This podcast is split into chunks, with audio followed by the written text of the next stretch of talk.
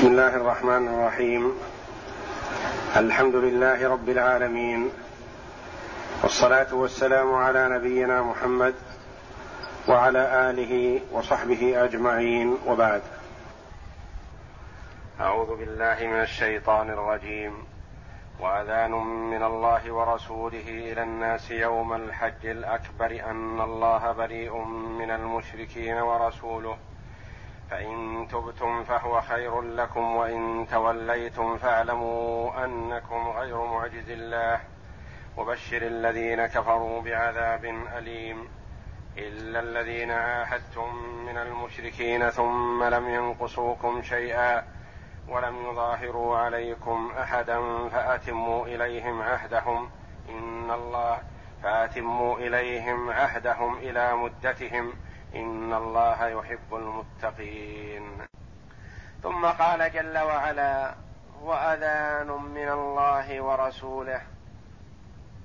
إلى الناس يوم الحج الأكبر أن الله بريء من المشركين ورسوله. فإن تبتم فهو خير لكم وإن توليتم فاعلموا أنكم غير معجز الله. وبشر الذين كفروا. وإن تول فإن تبتم فهو خير لكم وإن توليتم فاعلموا أنكم غير معجز الله. وبشر الذين كفروا بعذاب أليم. وأذان من الله ورسوله. الواو هنا حرف عطف. عطفت هذه الجملة على الجملة السابقة وهي قوله جل وعلا براءة من الله ورسوله وأذان من الله ورسوله. وما المراد بالأذان؟ الأذان اللغوي هو الإعلام. الإعلام بأمر من الأمور. تقول آذنته بمعنى أعلمته. وليس المراد الأذان الشرعي لأن الأذان الشرعي إعلام بدخول وقت الصلاة. الأذان ألفاظ مخصوصة شرعت للإعلام بدخول وقت الصلاة. وهنا أذان من الله ورسوله. هل المراد أن يأتي فيؤذن؟ أذان؟ الأذان الشرعي؟ لا. المراد إعلام من الله ورسوله. إلى من؟ إلى الناس عموما.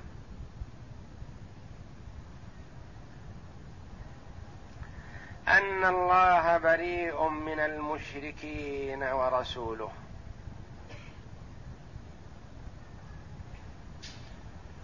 هنا قال جل وعلا وأذان من الله ورسوله إلى الناس. وفي الآية الأولى براءة من الله ورسوله إلى الذين عاهدتم من المشركين. فالأول فيه براءة والبراءة تكون ممن من المشركين. وهذه الآية فيها إعلام والمراد بالإعلام هنا الإخبار والإخبار يكون للناس عموما مسلمهم وكافرهم. وأذان من الله ورسوله إلى الناس يوم الحج الأكبر. ما المراد بيوم الحج الأكبر؟ أقوال. القول الأول ولعله الراجح وهو المشهور أنه يوم النحر. هو يوم الحج الأكبر.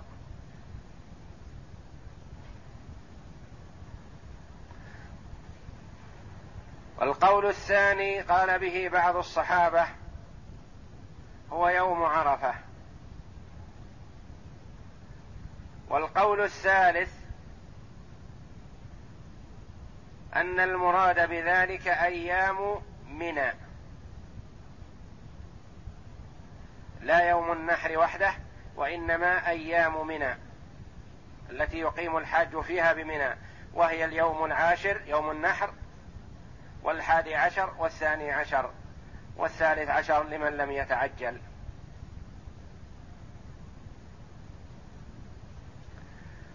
القول الأول وهو المشهور أن المراد باليوم الحج الأكبر هو يوم النحر. ولم سمي بهذا الاسم؟ لأنه تجتمع فيه كثير من أفعال الحج. كثير من أفعال الحج تجتمع في هذا اليوم. الطواف بالبيت ورمي الجمار والنحر والحلق أو التقصير. هذه الأربعة الأفعال كلها تكون في يوم النحر. فسمي يوم الحج. ولم سمي بالأكبر؟ لأنهم كانوا يطلقون على العمرة بأنها الحج الأصغر. والحج هو الحج الأكبر. وسميت العمرة الحج الأصغر لأنها أقل أفعالا من الحج. فهي حج بمعنى قصد لمكة وللطواف بالبيت ولتأدية نسك مخصوص. حج إلا أنها تختلف عن الحج الأكبر بأنها أقل أفعالا فليس فيها رمي جمار وليس فيها خروج إلى عرفة وليس فيها نحر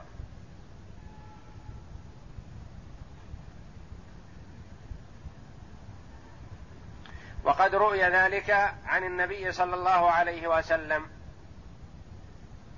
لأن اليوم الح... يوم الحج الأكبر هو يوم النحر. روي عن بعض الصحابة رضي الله عنهم أنه قال يوم الحج الأكبر هو يوم عرفة. ولعلهم أخذوا هذا من قوله صلى الله عليه وسلم الحج عرفة.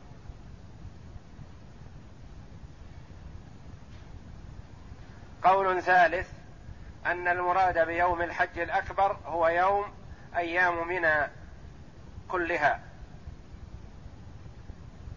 وقالوا سميت يوم وهي أيام كما يقال يوم صفين ويوم حطين ويوم بعاث ويوم كذا ويوم كذا من الأيام التي يقع فيها أفعال في أيام متوالية إلا أنها يطلق عليها اسم يوم. كما يقال يوم حطين وهو أيام ويوم صفين وهو أيام. ويوم بعاث هو حرب طائلة في الجاهلية. فيقال يوم ويراد الأيام التي وقعت فيها هذه الحرب أو هذا الشيء المشهور. وهنا يوم الحج الأكبر المراد أيام الحج وهي أيام منى. قال بهذا بعض المفسرين رحمهم الله.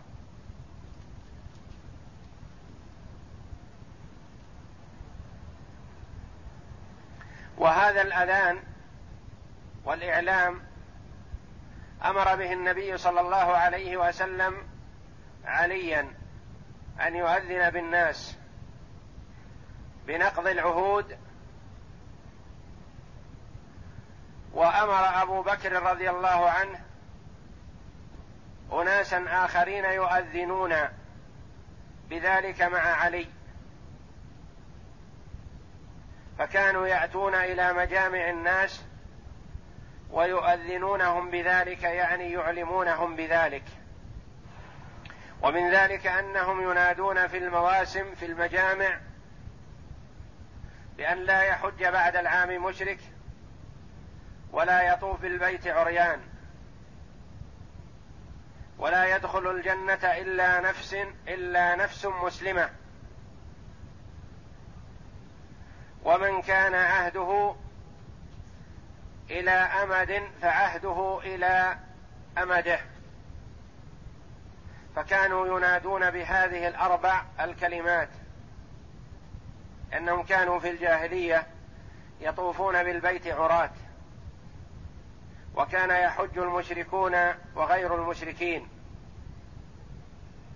الحنفاء. فأنذر صلى الله عليه وسلم بأن لا يحج بعد العام مشرك. أن الله بريء من المشركين ورسوله. الأذان هذا بماذا؟ بأن الله بريء من المشركين ورسوله. ورسوله بريء من المشركين. قد يقول قائل في الآيتين هذه والتي قبلها فيها تكرار. والقرآن منزه عن التكرار الذي لا فائدة فيه.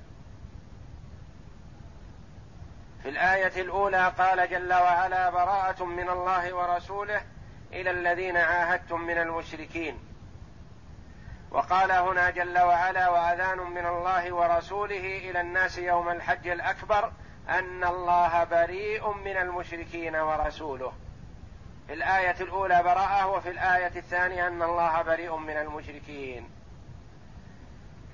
كيف نوجه بأنه لا تكرار؟ الآية الأولى براءة من ماذا؟ من عهود.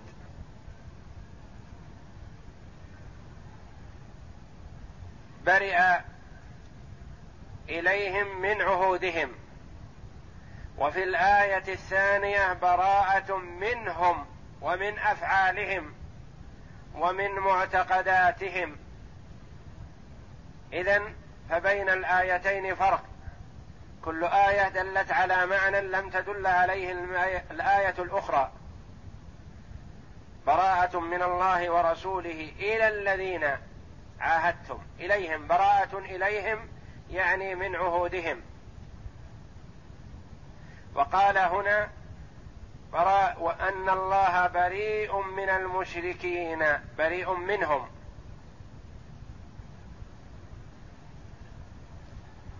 ومن برئ الله منه فهو مغلوب.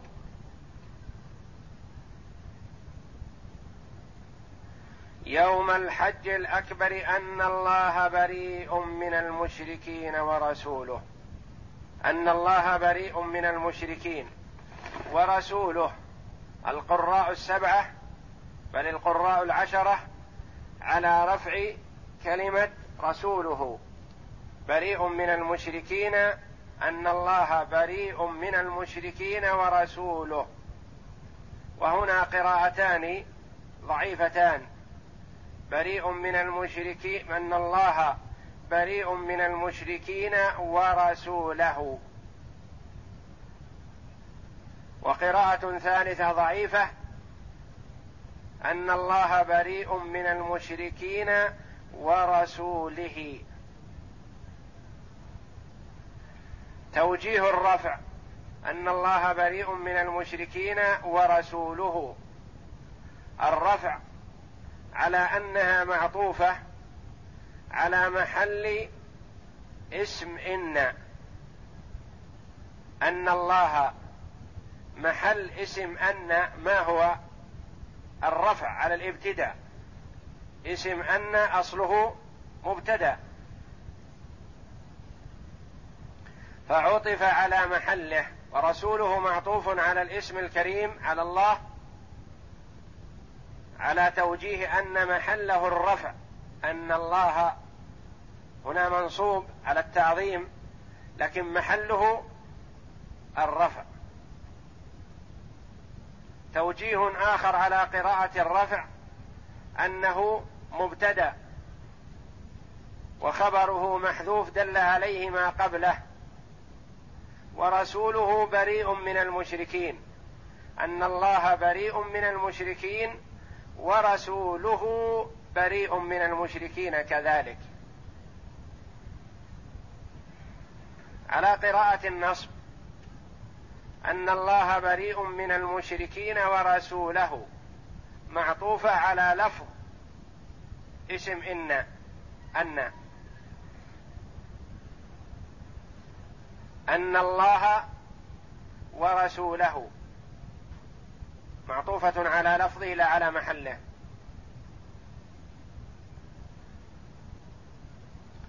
أو أن الواو قبل رسوله بمعنى مع فهو منصوب على المعية. أن الله بريء من المشركين مع رسوله. إذا جاءت مع لا بد أن يكون مضاف إليه. لكن التقدير الواو واو المعية فيكون ما بعدها منصوبا ورسوله. قراءة الجر. أن الله بريء من المشركين ورسوله. وهي قراءة ضعيفة. على أن الواو هذه واو قسم. فهي جارة. ورسوله لأن فيها قسم بالرسول صلى الله عليه وسلم. وهذه قراءة شاذة ولا تجوز القراءة بها لأنها توهم أن الرسول هنا معطوف على المشركين أن الله بريء من المشركين ورسوله. فهي قراءة شاذة لا تجوز القراءة بها. وروي أنه كان قارئ يقرأ على هذه القراءة الشاذة أن الله بريء من المشركين ورسوله وحوله أعرابي فقال ما دام أن الله برئ من رسوله فأنا أبرأ مما برئ الله منه. فأخذ هذا القارئ بتلابيب هذا الأعرابي وأوصله إلى عمر. فلما تبين لعمر رضي الله عنه ذلك أمر بتعلم العربية. وروي مثل هذا عن علي رضي الله عنه وأبي الأسود الدؤلي. فجر الرسول هنا قراءة شاذة وإن كانت على توجيه أن الواو حرف جر وهي حرف قسم إلا أنها فيها إيهام. لأن هذا الأعرابي فهم من اللفظ حينما نطق القارئ أن الله بريء من المشركين ورسوله فقال ما دام أن الله برئ من رسوله فأنا أبرأ منه. ونأخذ من هذا أنه لا ينبغي للمرء أن يقرأ في القراءات الشاذة أو القراءات الموهمة أو القراءات الضعيفة التي تشكك الناس في القرآن أن الله بريء من المشركين. وهذه البراءة براءة منهم ومن معتقدهم ومن أفعالهم وليست براءة من عهد فقط. فإن تبتم فهو خير لكم. إن تبتم من هم؟ المشركون. انتقل من أسلوب الغيبة إلى أسلوب الخطاب. إن الله بريء من المشركين ورسوله. ثم التفت إليهم فخاطبهم جل وعلا فقال فإن تبتم فهو خير لكم. والتوبة الرجوع. فإن رجعتم عما أنتم عليه وآمنتم بمحمد صلى الله عليه وسلم والقرآن فهو خير لكم. خير هذه أفعل تفضيل. وهل هي على بابها أو لا؟ من العلماء من قال هي على بابها فهي مفاضلة بين أمرين. هم يعتقدون أن ما هم عليه من الكفر والضلال خير. والله يقول جل وعلا إيمانكم بمحمد خير لكم مما أنتم فيه. وقيل بأنها ليست على بابها فلا مفاضلة. بين الإيمان والكفر. لا يقال إن الإيمان أفضل من الكفر لأن كلمة أفعل التفضيل يجاء بها ويؤتى بها لأمرين اشتركا في شيء لكن أحدهما أكثر من الآخر. تقول زيد أفقه من عمرو يعني كلاهما فقيه لكن زيد أفقه. فهما اشتركا في الفقه. محمد أكرم من علي. تقول محمد أكرم من علي. محمد وعلي اشتركا في صفة الكرم لكن محمد أكثر. فأفعل التفضيل يجاء به. بين أمرين اشتركا في شيء أحدهما أكثر من الآخر فيه. وهنا لا يفاضل بين الكفر بين الإيمان وافعال التفضيل جيء بها على غير بابها أو على سبيل ما كانوا يظنونه ويعتقدونه بأن ما هم عليه فيه خير. فإن تبتم فهو خير لكم خير لكم في الدنيا وخير لكم في الآخرة لأن الإيمان والتقوى فيهما سعادة الدنيا والآخرة. وإن توليتم أعرضتم عن الإيمان بالله ورسوله. واستمررتم على ما أنتم عليه من الكفر والضلال. فاعلموا أنكم غير معجز الله.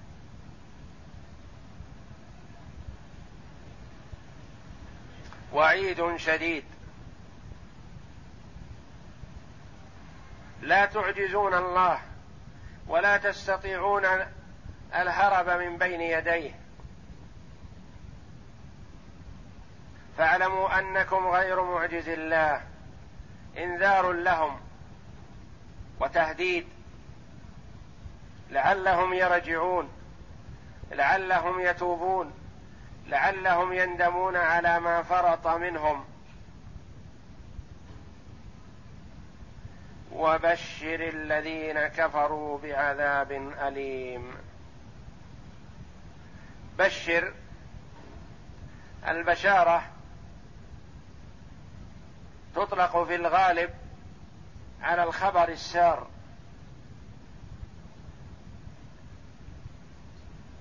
بشره بكذا. من الأمور السارة. وهنا قال جل وعلا وبشر ال وبشر الذين كفروا.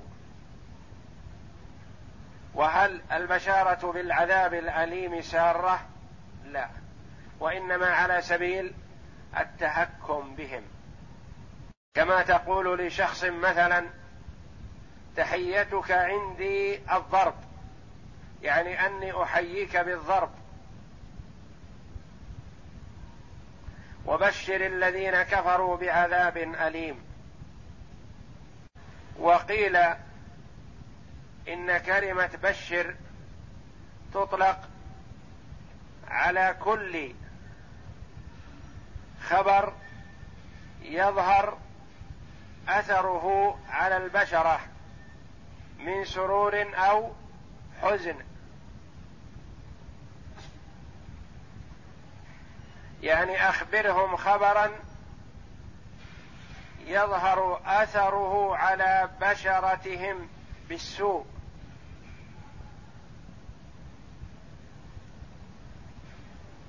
وبشر الذين كفروا بعذاب أليم. يعني مؤلم.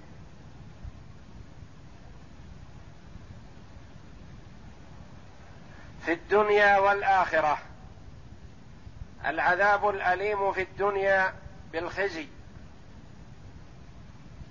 والقتل والأسر والأليم في الآخرة بنار جهنم والعياذ بالله. وبشر الذين كفروا بعذاب أليم. إلا الذين عاهدتم من المشركين.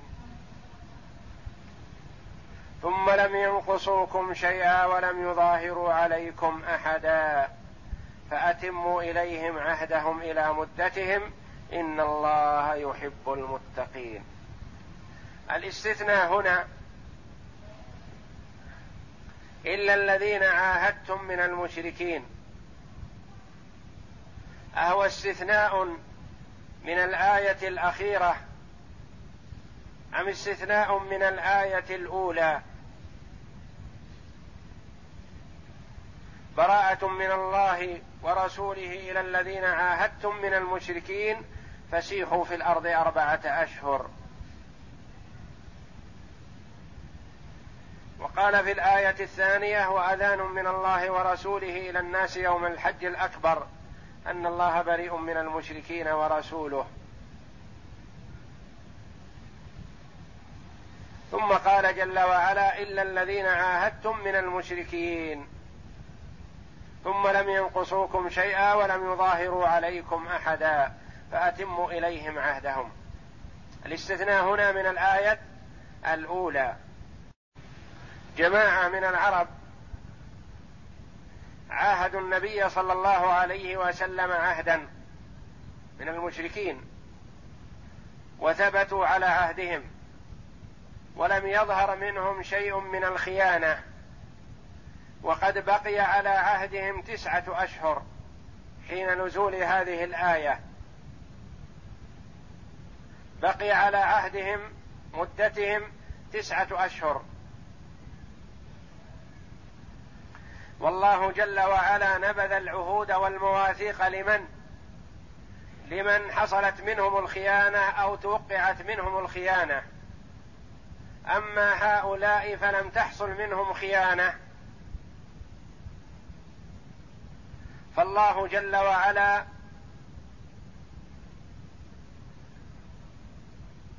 يقبل من المحسن إحسانه وإن كان في حالة كفر. يثيبه على ذلك. يثيب المحسن وإن كان كافرا. إثابته تكون في الدنيا أم في الآخرة؟ أم فيهما معا كإثابة المؤمنين؟ بل في الدنيا. والله جل وعلا لا يسوي بين المحسن والمسيء وإن كانا كافرين. رجل ملتزم بالعهود والمواثيق. ويفي بها. لا يجعله جل وعلا مثل من ينقض العهود والمواثيق. فهؤلاء الذين وفوا للنبي صلى الله عليه وسلم في عهدهم استثناهم الله جل وعلا فلم يجعل مدتهم أربعة أشهر بل قال إلا الذين عاهدتم من المشركين ثم لم ينقصوكم شيئا. ولم يظاهروا عليكم أحدا لم يعاونوا أحدا من المشركين فأتموا إليهم عهدهم إلى مدتهم. ينظرون إلى نهاية مدتهم تقديرا لوفائهم بالعهد. إن الله يحب المتقين يحب من يتقيه يحب من يفي بما التزم به. وفي هذا ترغيب للوفاء بالعهد. وأن المرء إذا عاهد عهدا أن يفي. إلا الذين عاهدتم من المشركين ثم لم ينقصوكم شيئا لم يحصل منهم نقص في نقض العهد. ولم يعاونوا عليكم أحدا من أعدائكم ولم يظاهروا ولم يظاهروا عليكم. لم يظاهروا معنى يظاهروا يعاونوا ويساعدوا. ولم يظاهروا عليكم أحدا فأتموا إليهم عهدهم. إلى متى؟ إلى مدتهم. إلى المدة المبرمة بينكم وبينهم لا تنذروهم بنقض العهد. إن الله يحب المتقين. فكفار قريش صار بينهم وبين النبي صلى الله عليه وسلم عهد. فنقضوا العهد بأن عاونوا حلفاءهم على حلفاء النبي صلى الله عليه وسلم وفي هذا نقض للعهد. فغزاهم النبي صلى الله عليه وسلم وفتح الله له مكة. اذا فالمشركون الذين كانوا على عهد مع النبي صلى الله عليه وسلم من كان عهده دون أربعة أشهر أو أربعة أشهر أو عهد مطلق فأمده أربعة أشهر. ومن كان عهده إلى مدة معينة فينتظر به تمام هذه المدة إذا لم يحصل منه نقض للعهد ولا خيانة. أعوذ بالله من الشيطان الرجيم. وأذان من الله ورسوله إلى الناس يوم الحج الأكبر أن الله بريء من المشركين ورسوله. فإن تبتم فهو خير لكم وإن توليتم فاعلموا أنكم غير معجز الله وبشر الذين كفروا بعذاب أليم. قال العماد بن كثير رحمه الله يقول تعالى: وإعلام من الله ورسوله وقد تقدم إنذار إلى الناس يوم الحج الأكبر وهو يوم النحر الذي هو أفضل أيام المناسك وأظهرها وأكبرها جميعا. أن الله بريء من المشركين ورسوله أي بريء منهم أيضا. ثم دعاهم إلى التوبة إليه فقال فإن تبتم أي مما أنتم فيه من الشرك والضلال فهو خير لكم وإن توليتم. أي استمررتم على ما أنتم عليه فاعلموا أنكم غير معجز الله بل هو قادر عليكم وأنتم في قبضته وتحت قهره ومشيئته. وبشر الذين كفروا بعذاب أليم أي في الدنيا بالخزي والنكال وفي الآخرة بالمقامع بالمقامع الأغلال. أي في الدنيا بالخزي والنكال وفي الآخرة بالمقامع والأغلال.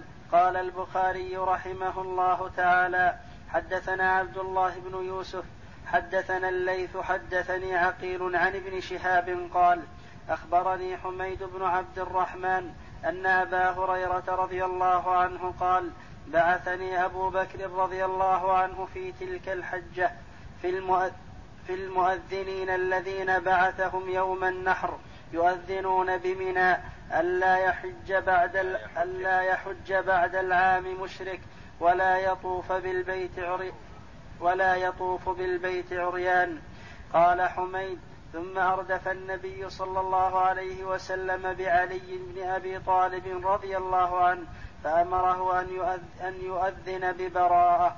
قال أبو هريرة فأذن معنا علي في أهل منى يوم النحر ببراءة وألا يحج بعد هذا العام مشرك ولا يطوف بالبيت عريان. ورواه البخاري أيضا حد وروى البخاري أيضا حدثنا أبو اليمان أخبرنا شعيب عن الزهري أخبرني حميد بن عبد الرحمن أن أبا هريرة رضي الله عنه قال بعث بعثني أبو بكر في من يؤذن يوم النحر بمنى ألا يحج بعد العام مشرك ولا يطوف بالبيت عريان ويوم الحج الأكبر يوم النحر وإنما قيل الأكبر من أجل قول الناس الحج الأصغر. فنبذ, فنبذ أبو بكر إلى الناس في ذلك العام فلم يحج على حج, حج فلم حجة فلم يحج عام حجة الوداع الذي حج فيه رسول الله صلى الله عليه وسلم مشرك. هذا لفظ البخاري في كتاب الجهاد. لأنهم كانوا في الجاهلية يحج المشركون وممن يحج كفار قريش وغيرهم من سائر العرب. فكانوا يحجون ويؤدون المناسك وهم مشركون. وفي السنة التاسعة أمر رسول الله صلى الله عليه وسلم أبا بكر أن ينذر الناس وكما بعث عليا على ذلك ألا يحج بعد العام مشرك. يعني لا يدخل مكة بعد السنة التاسعة مشرك. وألا يطوف بالبيت أحد عار. بل يجب أن يستتر لأن من تمام الطواف ستر العورة من شروط صحة الطواف ستر العورة. وكانوا يطوفون بالبيت في الجاهلية عراة لأنهم يقولون من جهلهم يقولون لا يصح أن نطوف بالبيت بثياب خالطنا فيها النجاسات أو مست النجاسة.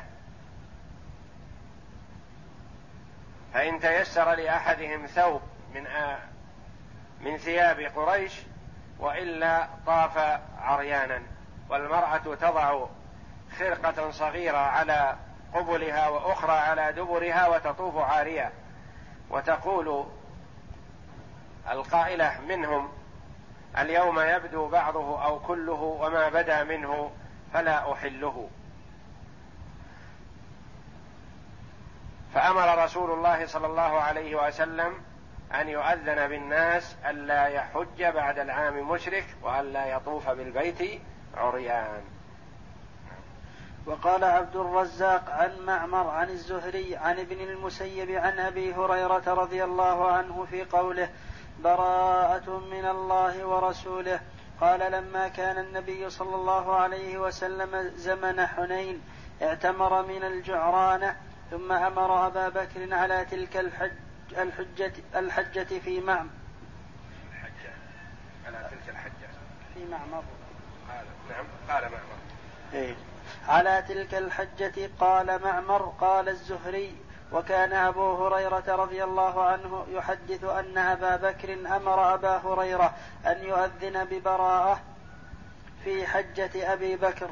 قال أبو هريرة ثم أتبعنا النبي صلى الله عليه وسلم عليا وأمره أن يؤذن ببراءة وأبو بكر على الموسم كما هو أو قال على هيئته. وهذا السياق فيه غرابة من جهة أن أمير الحج كان سنة عمرة الجعرانة إنما هو عتاب بن أس... عتاب بن أسيد. فأما أبو بكر إنما كان أميرا سنة تسع. الرسول صلى الله عليه وسلم اعتمر في السنة الثامنة بعد قسمة غنائم حنين من الجعرانة والجعرانة ليست ميقاتا لل للعمرة ولا ميقاتا للحج إلا من أنشأ العمرة أو الحج وهو فيها.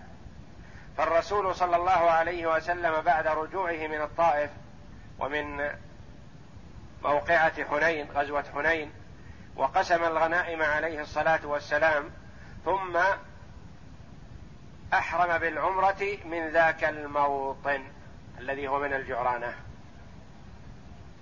لأنه نوى وعزم على العمرة حينما وصل ذلك المكان عليه الصلاة والسلام. وإلا فالجعرانة ليست ميقاتا من المواقيت. وإنما أنشأ الرسول صلى الله عليه وسلم العمرة يعني عزم عليها من ذلك الموطن فأحرم.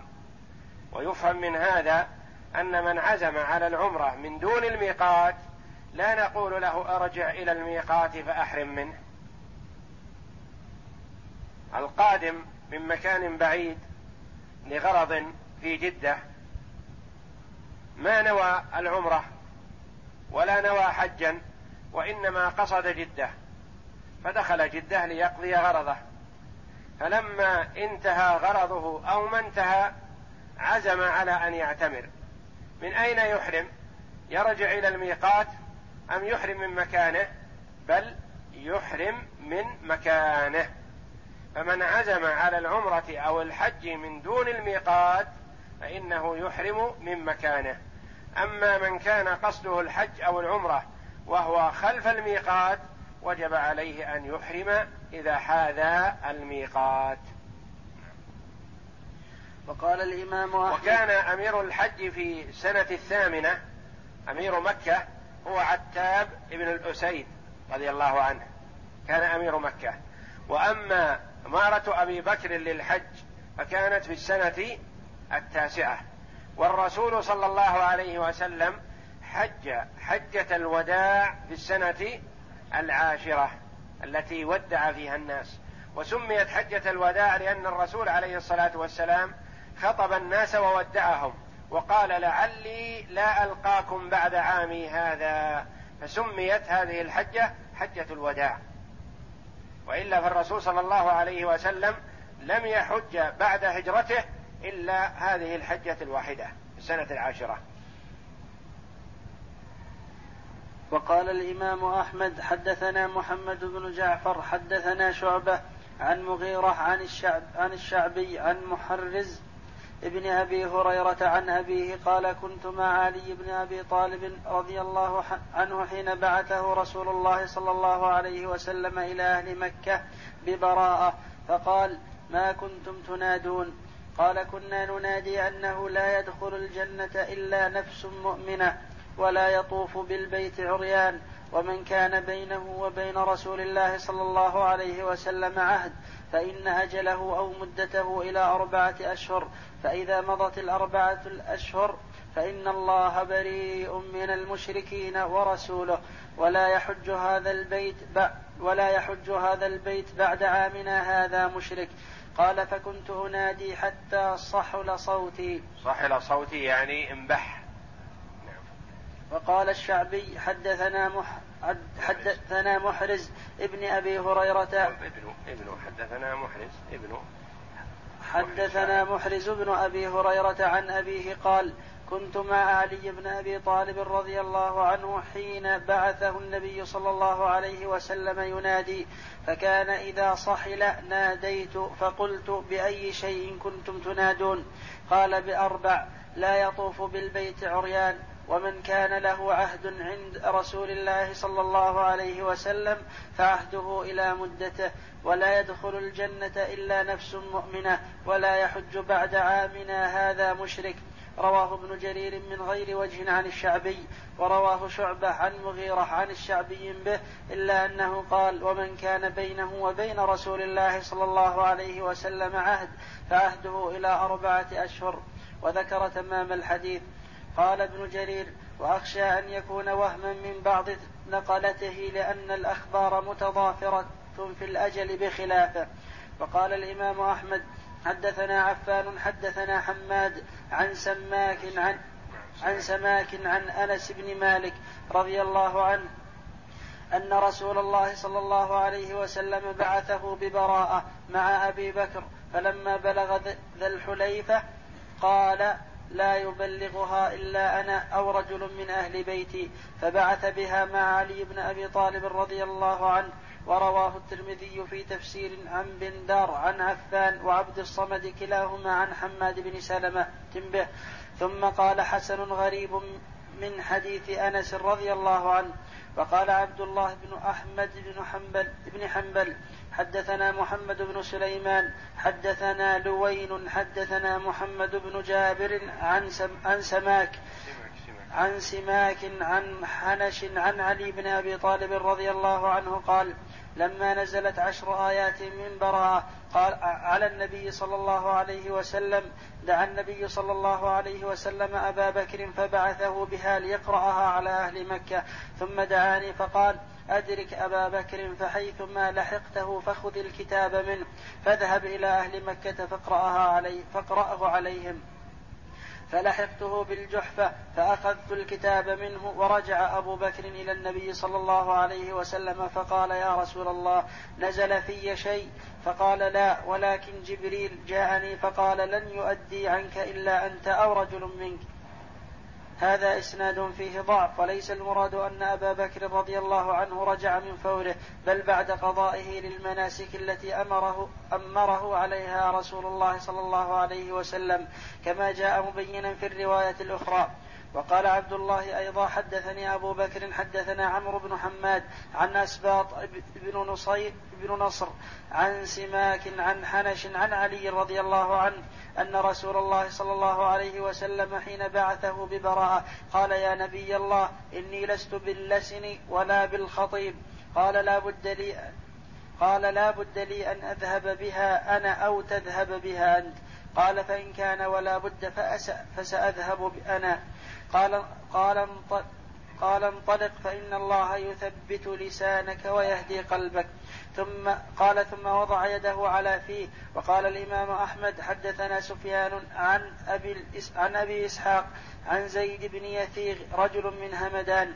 سألنا سألنا علي سألنا عليا بأي شيء بعثت يعني يوم بعثه النبي صلى الله عليه وسلم مع أبي بكر في الجح في الحج. قال بعثت بأربع لا يدخل الجنة إلا نفس مؤمنة ولا يطوف بالبيت عريان ومن كان بينه وبين النبي صلى الله عليه وسلم عهد فعهده إلى مدته ولا يحج المشركين بعد عامهم هذا. ورواه الترمذي عن قلابة عن سفيان بن عيينة وقال حسن صحيح. كذا قال. قبل الأخير. وقال ابن جرير. قال ولكن امرت لا ولا اقرا إلا الذين عاهدتم من المشركين. إلا الذين عاهدتم من المشركين ثم لم ينقصوكم شيئا ولم يظهروا عليكم ولم يظاهروا عليكم أحدا فأتموا إليهم عهدهم إلى مدتهم. إن الله يحب المتقين. قال العماد بن كثير هذا استثناء من ضرب مدة التأجيل بأربعة أشهر لمن له عهد مطلق ليس بمؤقت فأجله أربعة أشهر يسيح في الأرض يذهب فيها لينجو بنفسه حيث شاء إلا من له عهد مؤقت. فأجله إلى مدته المضروبة التي عوهد عليها. وقد تقدمت الأحاديث ومن كان له عهد مع رسول الله صلى الله عليه وسلم فعهده إلى مدته. وذلك بشرط ألا ينقض ألا ينقض المعاهد عهده. ولم يظاهر على المسلمين أحدا أن يمالئ عليهم من سواهم فهذا الذي وفى له بذمته وعهده إلى مدته. ولهذا حرض تعالى على الوفاء بذلك فقال إن الله يحب المتقين أي الموفين بعهدهم. الله أعلم وصلى الله وسلم على نبينا محمد وعلى آله وصحبه